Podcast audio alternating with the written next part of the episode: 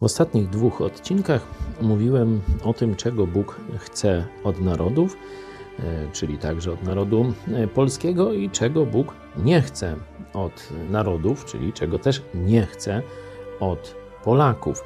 Dzisiaj chciałem kontynuować ten temat z 17 rozdziału Dziejów Apostolskich, gdzie jest przedstawiony test na aktualny stan narodu. Mianowicie apostoł Paweł po przedstawieniu tego, czego Bóg chce, kto stworzył i tak dalej, i czego Bóg nie chce, e, mówi do nich taką oto prawdę. 30 werset. Bóg wprawdzie puszczał płazem czasy niewiedzy. Teraz jednak wzywa wszędzie wszystkich ludzi, aby się upamiętali.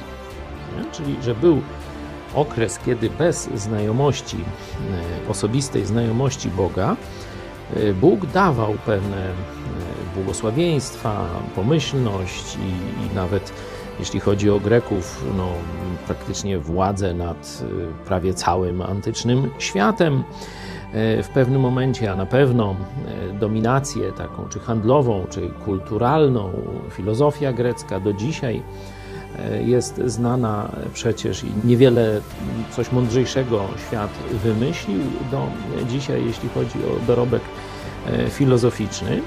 E, a zobaczcie, że coś się zmienia. Od tej pory już Bóg będzie inne stosował kryterium, czy dany naród jest głupi czy mądry, czy podoba mu się czy nie.